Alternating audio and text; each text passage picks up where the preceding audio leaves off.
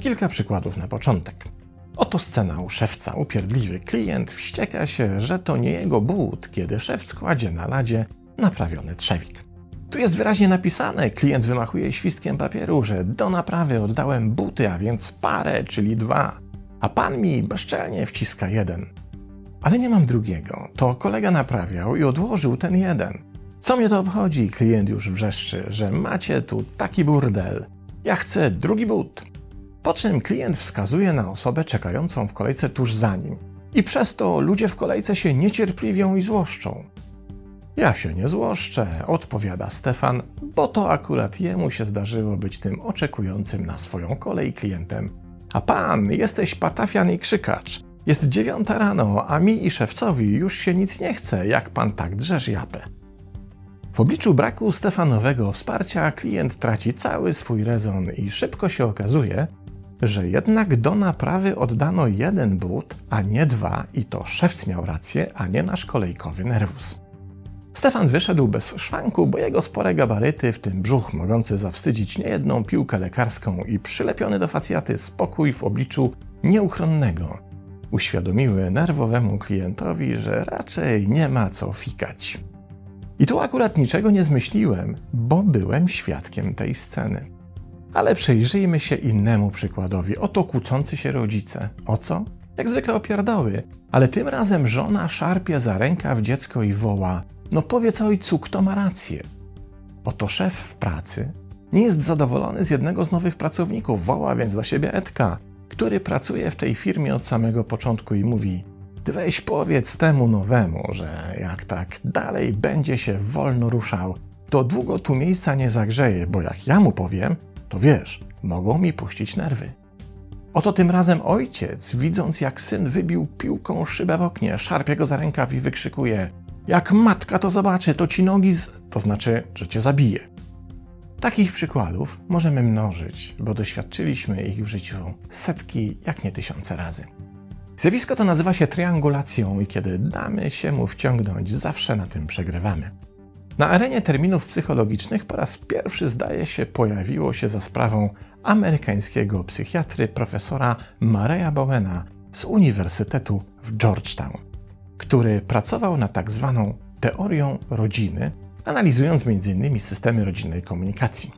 Bowen zauważył, że w sytuacjach konfliktowych w rodzinie jako formy zastępczej komunikacji bezpośredniej Często używa się osoby trzeciej i dzieje się tak w sytuacjach, w których strona sięgająca po wsparcie osoby trzeciej nie czuje się pewna swojej pozycji, a co za tym idzie, siły i wiarygodności swoich argumentów, lub uznaje, że jakiś rodzaj komunikatu przekracza jej możliwości samodzielnej emocjonalnej obsługi.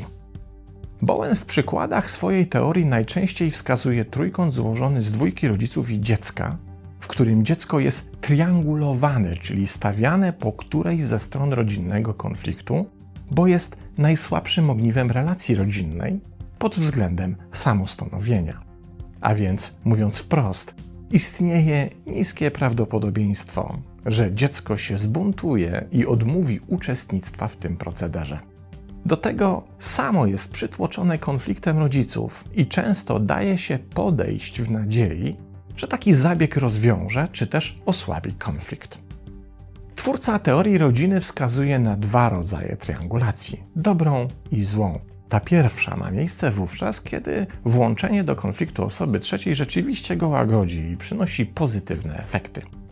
Jednak najczęściej mamy do czynienia z tą drugą, złą triangulacją, w której efekcie konflikt jedynie eskaluje, przybierając na sile a sama osoba triangulowana staje się również ofiarą tego konfliktu. Oliwy do ognia tej patowej, konfliktowej sytuacji dolał kolejny badacz. Amerykański psychoterapeuta Jay Haley, formułując w 1977 roku podstawy terapii strategicznej rodzin, w której opisał tzw. Tak zasadę przewrotnego trójkąta, w którym dwie osoby znajdujące się na różnych poziomach hierarchicznych lub pokoleniowych tworzą koalicję przeciwko osobie trzeciej. to na przykład tajny sojusz między rodzicem a dzieckiem, które łączą się, aby podważyć władzę i autorytet drugiego rodzica. Te zaś tajne sojusze pomiędzy dwiema osobami wymierzone w status lub rację osoby trzeciej są również efektem mechanizmu triangulacji. Bo żeby stworzyć tajny sojusz z osobą B przeciwko osobie A, najpierw trzeba osobę B wciągnąć do konfliktu i ustawić po swojej stronie.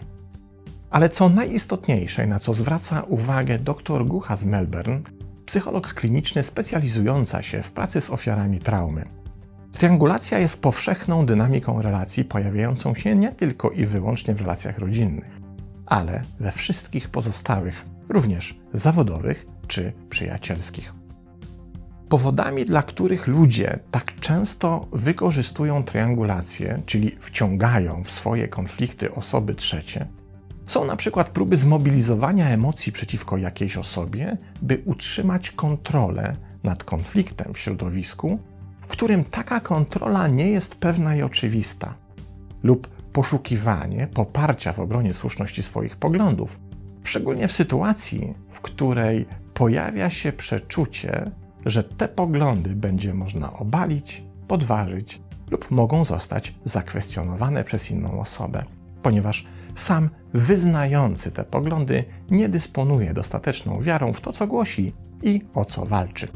Albo też sytuacja, w której dana strona konfliktu wie, że przegrywa i łapie się wszystkich możliwych sposobów na to, by utrzymać traconą pozycję, nawet kiedy dzieje się to wbrew logice, czy jest sprzeczne z interesem środowiska lub grupy. Triangulacja więc często jest rodzajem koła ratunkowego, którego poszukuje ktoś udający, że umie pływać, podczas gdy w rzeczywistości coraz silniej zdaje sobie sprawę z tego, że tak naprawdę tonie. I to właśnie może być dla nas niezwykle cenną wskazówką naprowadzającą na trop rzeczywistych skutków triangulacji dla osoby, która została wciągnięta w konflikt. Żeby wyjaśnić ten mechanizm, wróćmy do kolejki u szewca, rozjuszonego klienta i Stefana, tym razem w roli oazy nieporuszonego spokoju. Oto widzimy, że klient wścieka się nie dlatego, że otrzymał jeden naprawiony but, a na kartce z zamówieniem widnieje liczba noga, ale dlatego, że nie pamięta i nie rozpoznaje, czy naprawiony but jest rzeczywiście jego. Swój problem więc w celu obniżenia emocjonalnego napięcia, z którym sobie nie radzi, zamienia w konflikt z szewcem, żeby to na jego barki przerzucić odpowiedzialność za swój własny problem. Kiedy jednak okazuje się, że taki zabieg jest niewystarczający, by się własnego emocjonalnego napięcia pozbyć, bo szewc dwoi się i troi, a problem pod tytułem czy to na pewno jest mój but i czy na pewno oddałem jeden, a nie dwa, nie zostaje rozwiązany, wówczas klient stara się wciągnąć do konfliktu Stefana, oczekującego w kolejce tuż za nim. Kiedy argumentuje, że ludzie w kolejce się niecierpliwią i wskazuje na Stefana, jednocześnie implikuje Stefanowi emocje, dokładnie zniecierpliwienie, które mają go umiejscowić w konflikcie z szewcem po stronie nerwowego klienta. Załóżmy teraz przez chwilę, że Stefan połknąłby haczyk i powiedział coś w stylu: No właśnie, panie szewc, weź się pan ogarnij, bo ja nie mam całego dnia. To tym samym klient otrzymałby wzmocnienie w konflikcie z szewcem, i mógłby na niego dużo bezkarniej i dużo głośniej krzyczeć. Jednak zastanówmy się, co by się stało dalej, czyli w sytuacji, w której finalnie okazało się, że to klient zawinił, bo nie pamięta, jaki but przyniósł do naprawy i czy przyniósł jeden czy dwa. A zatem to on jest też winowajcą przedłużającego się czekania i rosnącej kolejki, a nie wyłącznie szewc. Co wówczas musiałby zrobić Stefan? no jakoś wybrnąć z tej niezręcznej sytuacji, co nie jest łatwe, bo przecież stając w konflikcie z szewcem po stronie klienta, niejako przyjął na siebie odpowiedzialność za to, że racja jest właśnie po stronie klienta, a nie szewca. To zaś zepsułoby Stefanowi dzień dużo bardziej niż jedynie dodatkowe kilka minut stania w kolejce. Na szczęście tak się nie stało, bo Stefan nie dał się wciągnąć w triangulację klienta i wziął w konflikcie stronę szewca czyli zachował się dokładnie odwrotnie niż tego oczekiwał wkurzony klient. I tutaj oddajmy hołd Stefanowej czujności społecznej i przeprośmy go za wyśmiewanie brzucha. Bo z tym brzuchem to mocno przesadziłem. Po prostu Grażyna akurat wyjechała na delegację, więc dzisiaj na śniadanie Stefan zjadł kilogram kokosanek i popił litrem kwaśnego mleka, więc nieco go wydęło. Kiedy dajemy się wciągnąć w triangulację, ma to często dla nas dosyć negatywne konsekwencje, co najlepiej wskazują prace zarówno Bowena, jak i Haleja. Tyle, że ich opracowaniach ofiarami rodzinnej triangulacji są dzieci i traumy, które w ten sposób są im wdrukowywane przez rodziców. Triangulowane dziecko w swej naiwności daje się podpuścić i staje po jednej ze stron. I kiedy po raz kolejny zostanie nadwyrężone jego zaufanie, na przykład pod postacią przyjęcia odpowiedzialności za coś, co później okazuje się niesłuszne i nieprawdziwe, ale pociąga długotrwałe negatywne emocjonalne skutki, powoli zaczyna się wycofywać i zamykać we własnym świecie, tracąc zaufanie do każdego z rodziców. Bo triangulacja najbardziej rani tego, kogo do niej wciągamy. Tak samo dzieje się w triangulacjach pojawiających się w pozostałych relacjach.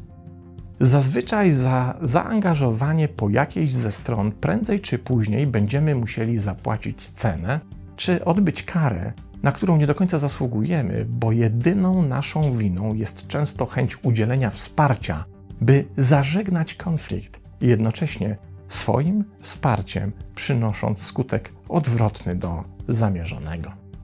Jak zatem się bronić przed triangulacją? Korzystając z wiedzy o jej zasadach. Po prostu ilekroć staniesz w obliczu sytuacji, w której ktoś usiłuje się tobą posłużyć w konflikcie przeciwko komuś innemu, zanim zdecydujesz się na udział w tej relacyjnej szopce, najpierw zastanów się, dlaczego ta osoba to robi. Dlaczego chce się tobą posłużyć? Jakiego wsparcia ma jej udzielić w danym konflikcie Twoja obecność i wzięcie jej strony? Czy aby na pewno ktoś, kto jest pewien swojej racji, swoich argumentów i wiary w słuszność swojej sprawy, musi łapać za koło ratunkowe? Czy czasem nie jest tak, że sam akt usiłowania wciągnięcia cię w jego konflikt nie odsłania jakiegoś rodzaju ułomności jego stanowiska w tym konflikcie? Już same te wątpliwości, które sami sobie wypowiemy w głowie w obliczu próby triangulacji, mogą nas przed nią obronić i zaoszczędzić sporego emocjonalnego dyskomfortu w przyszłości. Wtedy po prostu łatwiej jest odmówić udziału w grze. I nie trzeba, jak nieustraszony kolejkowy Stefan, reagować w takiej sytuacji, stając dokładnie po drugiej stronie konfliktu, niż ta, która usiłuje nas do konfliktu dokoptować. Wystarczy jedno małe, magiczne zaklęcie. Wiesz, czuję się bardzo niekomfortowo, będąc świadkiem waszego konfliktu. To sprawa między wami. I najlepiej będzie, jak sami ją rozstrzygniecie bez mojego udziału. Pozdrawiam.